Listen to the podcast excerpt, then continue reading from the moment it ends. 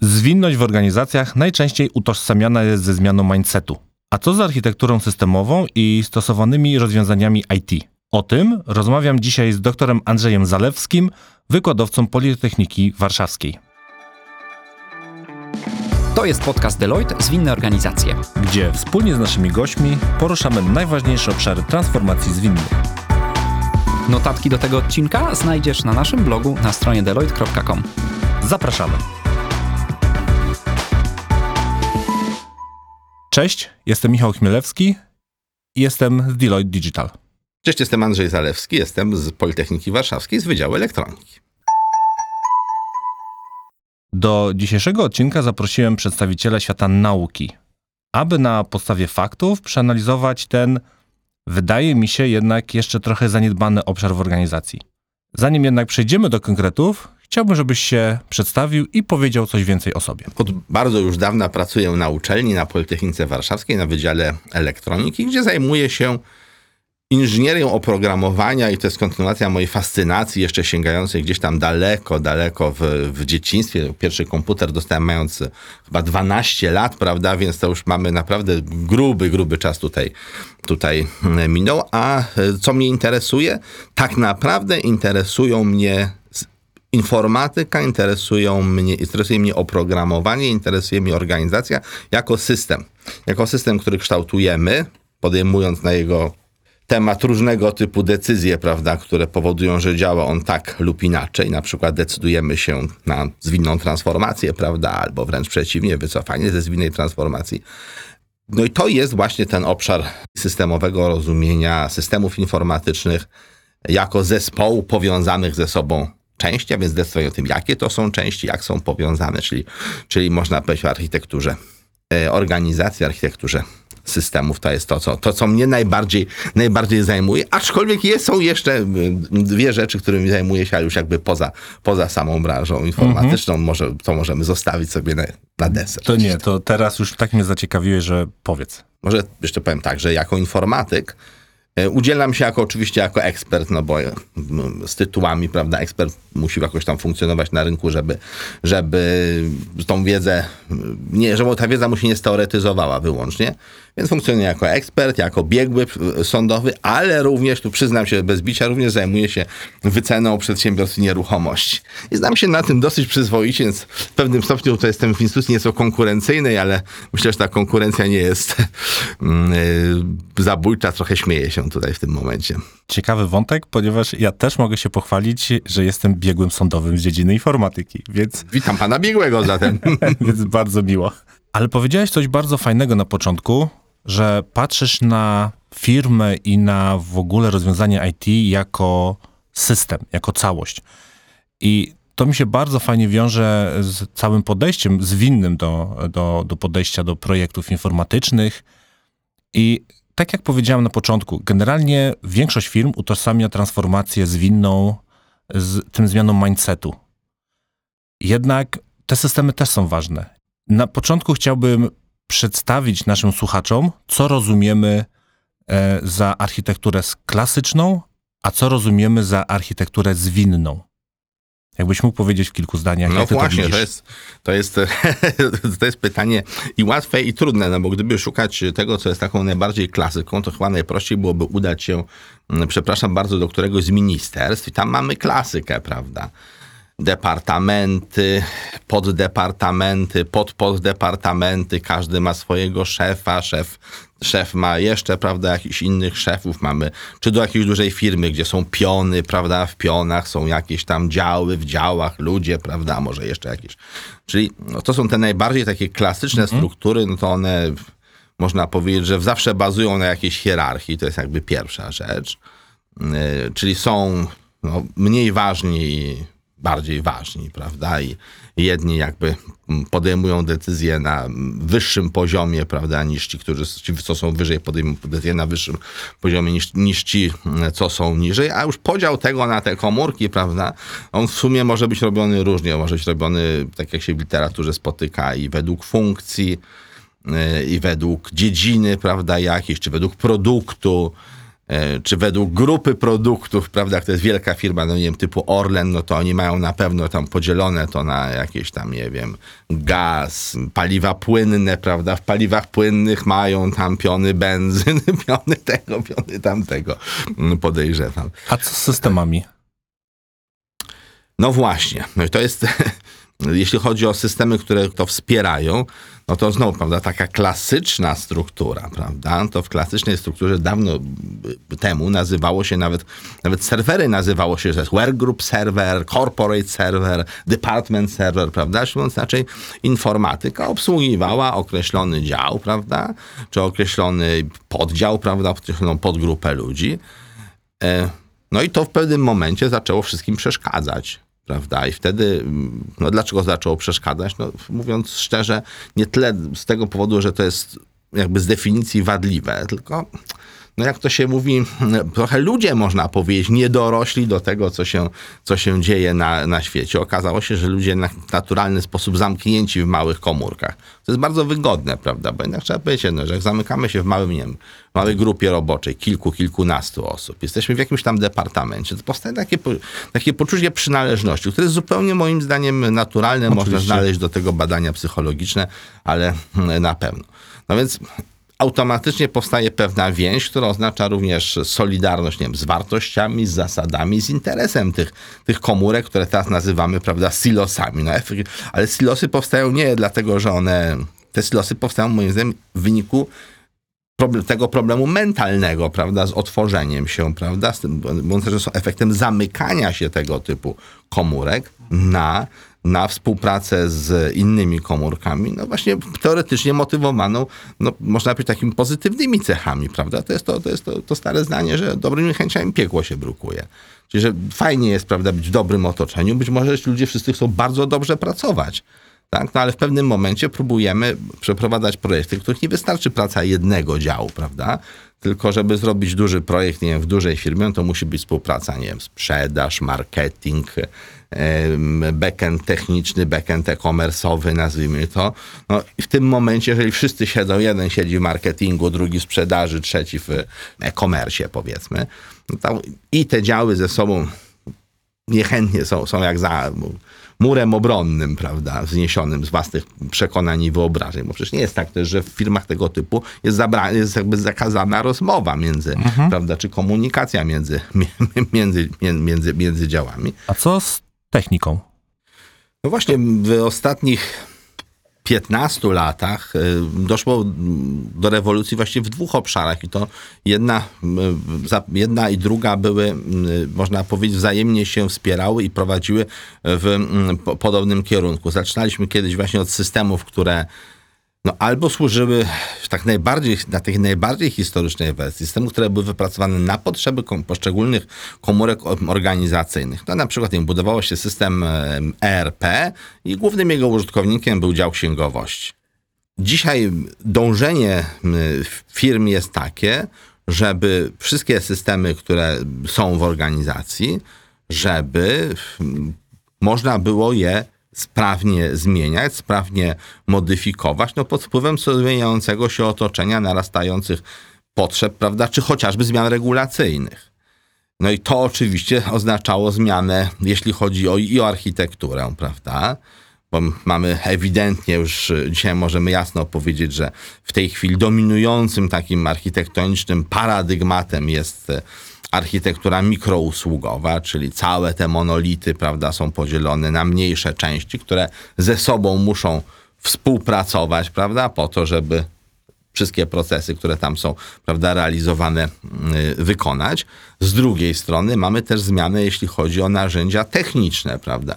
Dzisiaj możemy oczywiście korzystać ze starej wersji y, z releasami, prawda, z kolejnymi wydaniami, no ale tak jak my wszyscy wiemy, to znacznie spowalnia, prawda, wprowadzanie zmian. W tej chwili znacznie jakby popularniejszym rozwiązaniem jest y, realizacja zmian w toku ciągu. To jest to, co nazywa się Continuous Integration, Continuous e, Deployment, czyli jak już mamy gotowy fragment systemu, no to od razu wjeżdżamy z nim, jeśli jest tylko wystarczająco przetestowany, to od razu wjeżdżamy z nim na produkcję. Jak okaże się, że zawiera błędy, no to się go wy- wycofuje. To jest też okazja przecież do eksperymentowania w przypadku systemów użytkowanych masowo przez tysiące czy miliony użytkowników w wersjach tych systemów największych. No to jest po prostu okazja do oceny nawet, przecież z techniką oceny, na ile proponowane funkcjonalności są atrakcyjne, interesujące, nie wiem, do robienia testów AB. No, jest tutaj bardzo dużo się, bardzo dużo się zmieniło od czasów siermiężnej informatyki, działów, prawda, departamentów yy, i tak dalej. Wszystko, wszystko stało się po to, no, żeby szybciej wprowadzać zmiany. Ja powiedziałbym więcej, że, że ta cała agile'owa transformacja bez tych wszystkich narzędzi byłaby tylko pustym gadaniem trochę, bo moglibyśmy mówić, jak szybko robić zmiany, ale musielibyśmy je wszystkie pakować nie wiem, w, w jednomiesięczne releasy, więc no, w ten sposób ta zwinność by była znacznie, na znacznie mniejszym poziomie niż, niż jest obecnie. Dobrze, że zwracasz na to uwagę. Powinniśmy patrzeć na, firmę holistycznie, czyli nie tylko ten mindset, ale też i infrastrukturę, również systemy. Ja się jednak często spotykam z takim podejściem, że firmy mówią, że się nie da. Że się nie da, że nasze systemy legacy, one są tak duże, tak ważne, że te mikroserwisy albo nie spełnią oczekiwań, albo czas potrzebny na zmianę jest bardzo, ale to bardzo długi. I czy z Twojego punktu widzenia e, masz tutaj jakieś takie złote środki, złote rekomendacje, które warto zaadresować dla każdej organizacji? Ja Myślę, że pierwszą takim pomysłem, czy taką, taką rekomendacją na pewno, na pewno jest to, żeby zmiany były przemyślane i nie robione, nie robione na, na siłę. Jednak propozycje, jakie teraz y, się y, znajduje, one dotyczą i organizacji, prawda, ale dotyczą także tych elementów wspierających. Mówią, że firma powinna mieć coś, co się nazywa platformą. Przynajmniej jeśli chodzi o dużą firmę, czyli zestaw wypracowanych narzędzi, bibliotek, kodu źródłowego. No wszystko to, z czego ona buduje swoje systemy, co upraszcza i potania budowę tych systemów, bo wiele rzeczy jest tam już rozwiązanych. E, Na pewno e, w każdej tym przypadku będziemy mieli do czynienia z inną sytuacją. Czasem tym systemom faktycznie legacy trzeba pozwolić po prostu no, dokonać żywota, równolegle budując nowe rozwiązanie. E, Czasem trzeba je zrefak, się mówi zrefaktorować, prawda, czy przebudować, jeżeli, jeżeli one na to technologicznie pozwalają. Jednolitej rady nie ma, się wszystko będzie zależało od, od, konkretnej, od, konkre, od, od konkretnego przypadku i od, y, no i znowu od y, trochę te, tego, co, co wisi tutaj w powietrzu, prawda, czyli od, od mindsetu, od woli właścicieli, prawda, od woli, od woli decydentów. Ja myślę, że przede wszystkim w tym wszystkim potrzebna jest y, bardzo duża doza racjonalności, bo pchanie się moje wrażenie z różnych takich, prawda, śledząc różne informacje, czy, czy w internecie, prawda, czy w publikacjach naukowych, jest takie, że często y, czy przekształcenie architektury, prawda, z tak zwanego monolitu, prawda, na, na mikroserwisy, prawda, ra, połączone często właśnie z transformacją zwinną, to jest trochę postrzegane jak taka religia. Jednak jak się troszkę, prawda, więcej na, o tym pomyśli, jak się na to popatrzy, to realnie rzecz biorąc wydaje mi się, że y, zbliżamy się do, do ery, w której będziemy oba elementy, czyli i organizację w sensie komponentu ludzkiego, sposobu jego zorganizowania i organizację systemów będą przedmiotem swoistej inżynierii, czyli będziemy je starali się kształt- kształtować świadomie e, i ta zwinność, e, to jak funkcjonują zwłaszcza największe organizacje, bo powiedzmy sobie szczerze, jeżeli organizacja zatrudnia 10 czy 20 osób, ona nie ma tych wyzwań, z którymi mierzy się organizacja, która zatrudnia, no nie wiem, 500 programistów, prawda, pracujących jeszcze nad różnymi, różnymi, pro, różnymi produktami. No i tutaj są różnego typu pomysły, prawda, które mówią, w jaki sposób sobie tego typu systemy, prawda, mm, zorganizować, żeniąc tak y, z jednej strony sprawność operacyjną, no bo jeżeli macie Państwo system internetowy z milionami użytkowników, no to ten system musi być przede wszystkim sprawny, bo on po prostu w każdej sekundzie zarabia. Tutaj nie możecie sobie pozwolić na jakiś chaos i brak kontroli, no bo ten brak kontroli to są po prostu, to są przestoje, których wartość liczy się w, w milionach, ale z drugiej strony trzeba zapewnić, że ten system nie staje się jakimś martwym ciałem, prawda, które nie podlega już żadnym zmianom, bo jest tak duży wyrost, czyli mówiąc inaczej, stał się monolitem w jakiejkolwiek technologii, ale już każdy się boi go ruszyć, tylko trzeba, tylko żeby obok tego systemu, prawda, był cały ekosystem i wewnętrzny, i zewnętrzny tych, którzy ten system będą rozwijać i modyfikować, zapewniać mu właśnie no, dostawę nowych pomysłów i szybką zmienność tak naprawdę. Czyli te nowe pomysły się pojawią, bo przecież to jest też jeden z problemów, żeby nie tylko zmieniać, ale też, żeby te pomysły były nowe, świeże, sprawdzone gdzieś tam na kliencie. Czyli em, tak jak sobie wyobrażam z tego, co ty powiedziałeś, taką wymarzoną transformacją i wymarzonym podejściem do transformacji byłoby, że razem z pomysłem na to, jak chcemy się organizować, wokół czego, wokół produktu, wokół usług, wokół klientów może, powinniśmy już wtedy też myśleć, jak to wpłynie na nasze systemy informatyczne. Chciałbym tutaj Cię zapytać o taką, wydaje mi się, dość oczywistą kwestię. To jakie są pułapki tych przejścia na mikroserwisy oraz inne rozwiązania, które mają wspierać zwinność?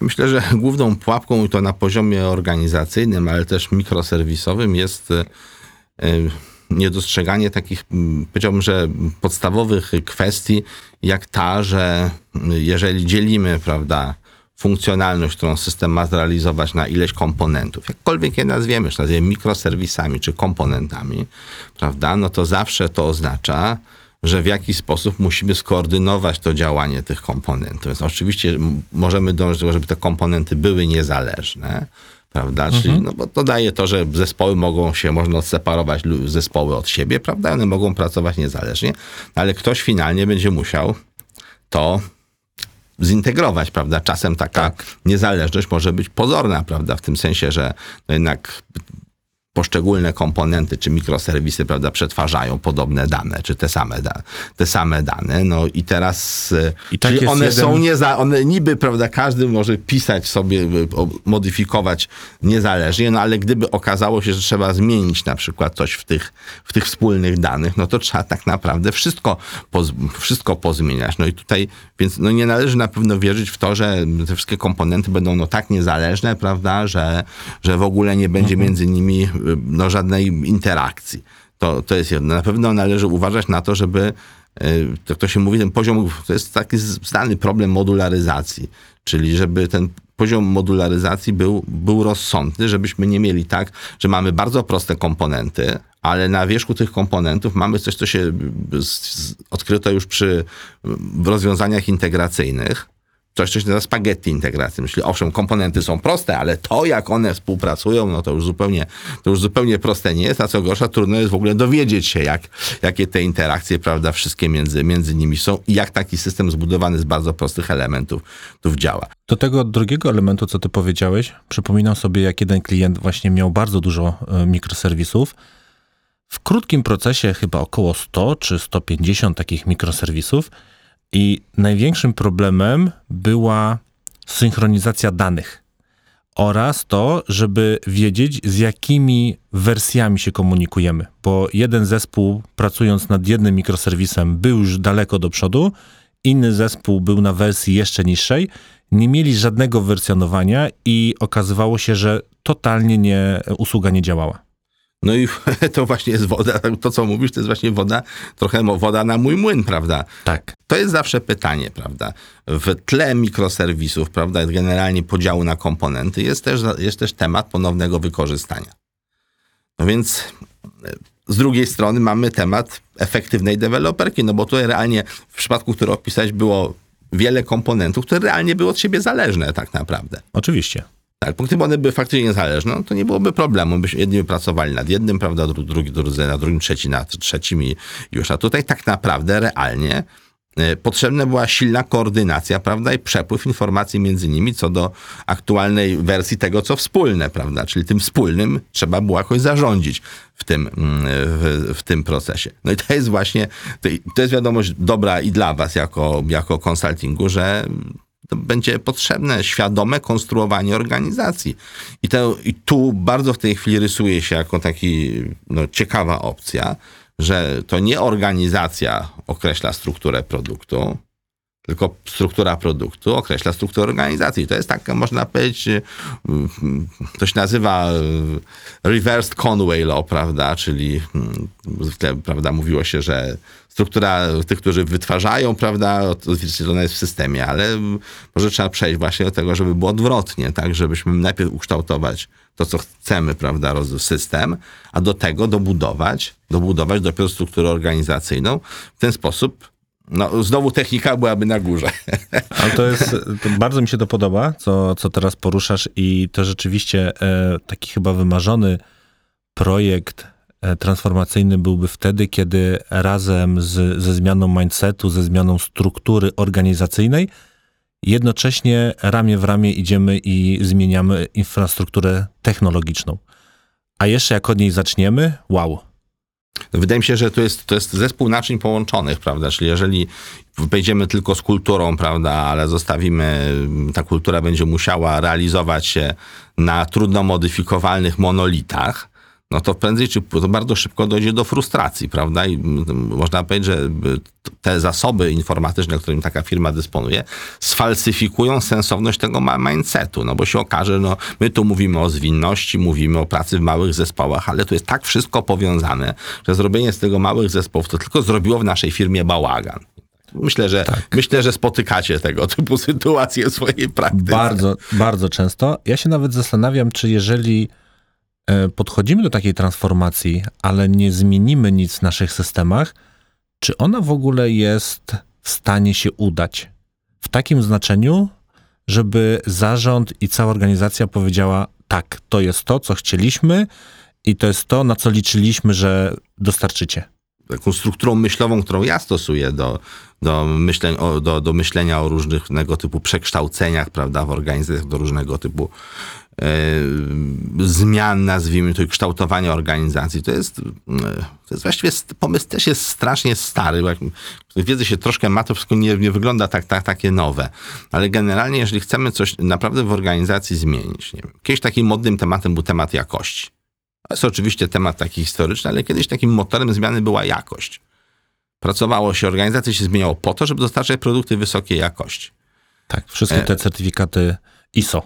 Właśnie, ISO i inne, ale generalnie z tego wynika ze wszystkich TQM-ów, ze wszystkich, e, nie wiem, zasad Deminga, to wynika tyle, że no, na górnym poziomie jest zawsze kultura organizacyjna. Na, na, na środkowym są procesy, a na dolnym są narzędzia. I realnie rzecz biorąc, jeżeli nie działamy na wszystkich trzech, to będzie źle. Bo, bo jeżeli realizujemy tylko samą zmianę kulturową, no to już to właściwie opowiedziałeś, prawda, że no, postawić pytanie, ale jeżeli nie zmienimy do, do kultury, za kulturą nie pójdą, gdzie zmiana, nowe funkcjonowanie, czyli procesy, czyli nowe funkcjonowanie organizacji, na przykład podzielone na mniejsze zespoły i na przegrupowanej, na daną większą, z em- empowerowanymi teamami, prawda, jak to można by powiedzieć. E, Jeżeli te zespoły nie zostaną wyposażone w narzędzia, które pozwolą im się spełnić, właśnie narzędzia, którym oni szybko dostarczą funkcjonalność, którą gdzieś po drodze zweryfikuje użytkownik, może zewnętrzny klient, może grupa fokusowa, bo, bo, tak, bo tak też może być, e, no to te zespoły się rozczarują, prawda? I dojdzie do, dojdzie do podważenia jakby sensowności tej, tej, tej transformacji. Więc tutaj wszystkie te trzy, wszystkie te trzy elementy moim zdaniem Oczywiście, każda organizacja jest inna, prawda? Nie jest tak, że mamy złoty, prawda? Najpierw wejdźmy z kulturą, Pewnie. potem zróbmy procesy, potem, potem technikę. Pewnie należy je realizować możliwie łącznie. I to, to mm, tak biorąc pod uwagę historię róż, wprowadzania różnego typu, typu zmian, to, to tak. No tu można jeszcze, żeby taki żarcik wrzucić odrobinę tutaj, to Proszę. jest taki żartobliwy, to jest żartobliwy, nie żartobliwy, coś, co się nazywa Larman's Laws of Organizational Behavior. Z tych praw wynika mniej więcej tyle, że jak chcesz coś zmienić w organizacji, to musisz przede wszystkim wyrzucić, czy przeorganizować w tej organizacji tych, którzy zrobią wszystko, żeby zachować tą, zachować do, status y, quo, czyli kierowników średniego szczebla. tak naprawdę. Nie, mo- może nie tyle musisz ich wyrzucić, bo taka sugestia tam nie pada, tylko to jest to są ci, których musisz poprzesuwać, prawda? I musisz, bo oni na pewno będą dążyli do tego, żeby jakby układ sił i ich władzy y, się zachował. To jest takie trochę pesymistyczne. Oczywiście, jeżeli się ich skołczuje, jeżeli, no, skąd się wzięli coache? No, wzięli coache się wzięli stąd właśnie, żeby tych ludzi przekonywać do udziału przecież w, w zwinnym przekształceniu, tak zwinnej transformacji. Nie tylko ich zresztą. Ale to, To się wszystko skądś wzięło. To jest...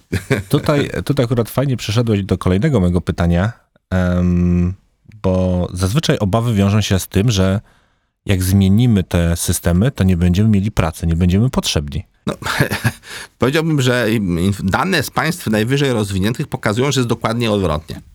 Czyli, że im jesteśmy bardziej nowocześni, mamy bardziej nowoczesne, no, stosujemy bardziej nowoczesną technologię, tym bezrobocie jest niższe. Czyli jak patrzymy sobie na stopy bezrobocia nie wiem, w rankingu OECD i weźmiemy jakiś tam ranking nowoczesności, innowacyjności, to się okaże, że jest dokładnie, najwięcej bezrobocia jest tam, gdzie właśnie jest, jest ta innowacyjność, prawda, jest najmniejsza. Mi osobiście się wydaje, że ch- dochodzimy, tw- wytworzyliśmy szereg pomysłów, które y, są na tyle ekspansywne, które generują następne jakby pomysły i problemy, które musimy rozwiązywać. I wcale nie wiadomo, czy liczba ludzi, którzy posiadają odpowiednie wykształcenie, żeby te problemy rozwiązywać, czy ona jest, y, czy ona jest nadmierna w stosunku do rozmiaru tych, do rozmiaru tych problemów. No bo przecież tu mówimy sobie dzisiaj o zwinnej transformacji, prawda, o w tle, w tle metodyki zwinne, agile, cały ten ten ruch związany z ciągłą integracją. Mm, Ale przecież mamy też równolegle i w tle przecież mamy sztuczną inteligencję, uczenie maszynowe i tak dalej, i tak dalej. I y, tych problemów, prawda, i pomysłów, które, w których y, lądujemy z, z naszą technologią, tak, wydaje mi się, że jest coraz więcej. No, to gwałtowny wzrost zapotrzebowania na informatyków, pomimo rozwoju technologii, bo przecież są technologie, gdzie nie trzeba mieć tylu programistów, prawda? Low code, no code, prawda? No one idą, te osoby idą nazwyczaj y, w inne części organizacji. Niekoniecznie wiąże się to z tym, że od razu muszą odejść z firmy. Rozwijają się w innych obszarach. Ja myślę, że właśnie to jest to, że firmy się, jeżeli firmy mają, e, są wysoko nowoczesne, to są też wysoko innowacyjne, czyli tych nowych pomysłów, prawda, do czego wykorzystać potencjał ludzi, jest bardzo dużo. Podam może przykład z branży własnej uczelni, ale takie obawy były, na, to jest oczywiście rzecz trochę historyczna, ale wprowadzono systemy SAP na uczelni, wdrażano, no to oczywiście już sobie wszyscy drżeli, jak to teraz, to jak to się mówi, polecą głowy żadne głowy nie poleciały, bo się okazało, że no owszem, prawda, pracy może niektórej pracy jest mniej, super, z takiej głupszej, ale na przykład uczelnia realizuje więcej projektów, których rozliczenia są skomplikowane, których się nie zautomatyzuje bez udziału, prawda? I nagle się okazało, że tych księgowych, przepraszam bardzo, to wcale nie jest za dużo, tylko no, w najlepszym razie w sam raz. Więc ja bym nie obawiał się tego, że mm, transformacja, zwłaszcza ta transformacja zwinna, że ona Bo jej celem jest, no bo co jest celem tej transformacji? Celem jest jej wydobycie innowacyjności z ludzi, którzy pracują w firmie tak naprawdę. Wydobycie sprawnego dostarczania coraz to nowych, realizowania coraz to nowych pomysłów biznesowych i wypracowywania ich. Przecież jest też cały nurt w tej chwili, który już nie nazywa się project management, tylko product management. I tam już mamy konkretną pracę nad produktem, który chcemy, żeby był coraz lepszy. Więc w mojej ocenie, w moim osobistym odczuciu, spokojnie tutaj pracy y, z powodu zwinnych transformacji nie zabraknie i raczej może być za dużo, jeżeli te transformacje się, udają, się udadzą i y, no, zmienią organizację w takim kierunku właśnie, jakim tu mówimy. Czyli tutaj, drogi słuchaczu, słuchaczko, uspokajamy.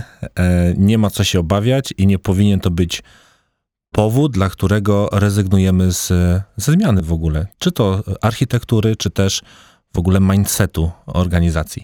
Oczywiście to, oczywiście to nie oznacza, że że to nie będzie wymagało od wszystkich nauki, od wszystkich dostosowania się, no ale świat się zmienia. Jeżeli ktoś pracuje w technologii IT, prawda, i nie interesu, przestanie się nią interesować na 3 lata, to naprawdę ląduje w obcym świecie. Oczywiście. Kto 5 pewnie. lat temu słyszał, nie wiem, o switchach bare metal, przepraszam bardzo, podam prosty przykład.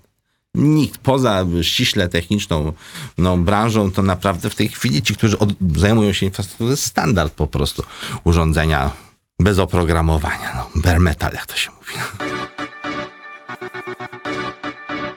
z takich jeszcze innych rzeczy, które już poruszaliśmy, ale fajnie by było, żeby to też trochę podsumować, to jest e, taka obawa, czy rzeczywiście na samym początku musimy już wiedzieć finalnie, jak będzie wyglądał nasz, nasz stok technologiczny.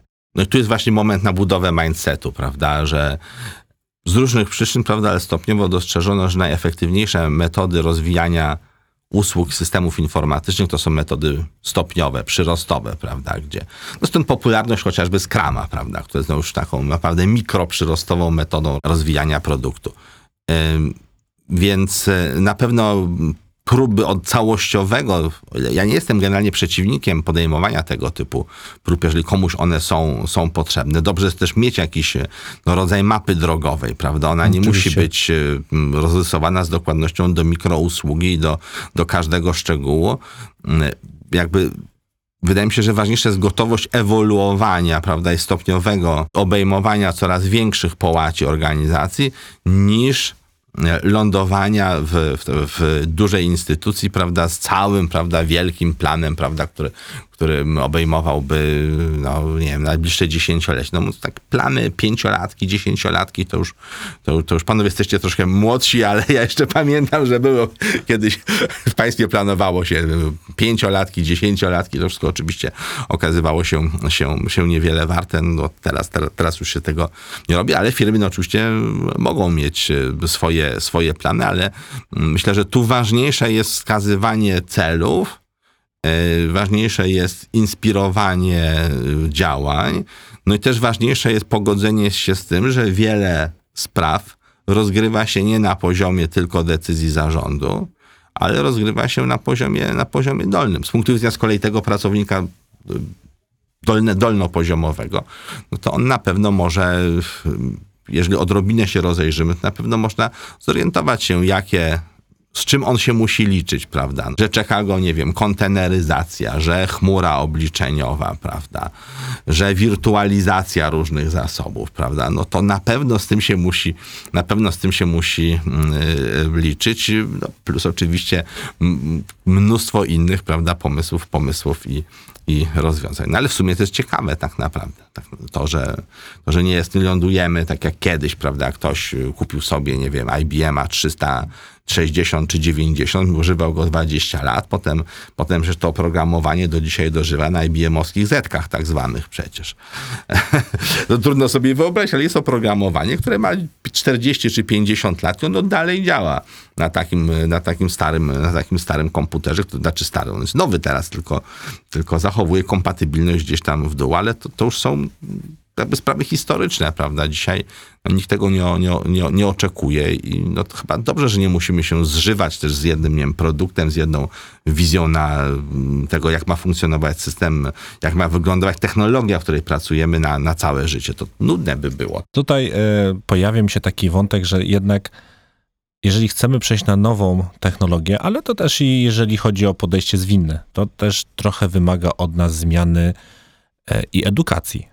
Ale to jest chyba jedyna bariera i jedyny, nie wiem czy bym powiedział minus, ale coś, co będzie od nas kosztowało jakiejś energii, zarówno i rozwiązanie architektoniczne, tak samo i rozwiązanie, jeśli chodzi o wokół jakiego narzędzia byśmy się zorganizowali, jak będziemy budować zespoły, powinniśmy traktować i powinniśmy podchodzić w tym cyklu PDCA, czyli wymyślamy coś, weryfikujemy, czy to dobrze działa, a jeżeli nie działa, to dostosowujemy. W strefie komfortu się nie rozwijamy, a strefa komfortu to jest właśnie tkwienie tam, gdzie jesteśmy.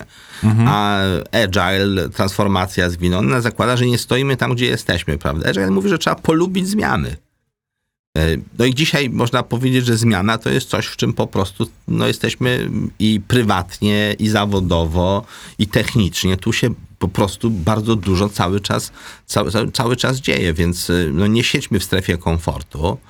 E, Nie przyzwyczajajmy się nadmiernie do, istnie- do tego, co znamy dzisiaj, rozwiązań, których dzisiaj stosujemy, bo wkrótce będą następne i trzeba je powitać z, zacie- z inżynierskim zaciekawieniem, a nie tylko z e, poczuciem niewygody, że oto, prawda, musimy znowu się czegoś, czegoś nauczyć. Od tego na pewno nie uciekniemy. Tu się w każdej dziedzinie, której się nie dotknie, czy na poziomie zarządzania organizacją, przecież tam mamy cały nurt transformacji leadershipu przecież, prawda, przez to, jak organizacja funkcjonuje, po technologię, która ją wspiera. Tu, tu się bardzo dużo dzieje i też nie myślmy, że mikroserwisy to jest ostatni akord, prawda. Tu będzie jeszcze wiele innych pomysłów, prawda, które gdzieś tam wykiełkują, prawda, okażą się twórcze, prawda, i rozwiązujące szereg problemów, których web, których mikroserwisy nie, roz, nie rozwiązały, a może nawet stworzyły po prostu. No i pff, no, to jest bardzo dobra, bardzo dobra, bardzo dobra wiadomość, bo to wszystko będzie wymagało tego roboty za nas nie wezmą, prawda? Tego sztuczna inteligencja za nas nie zrobi.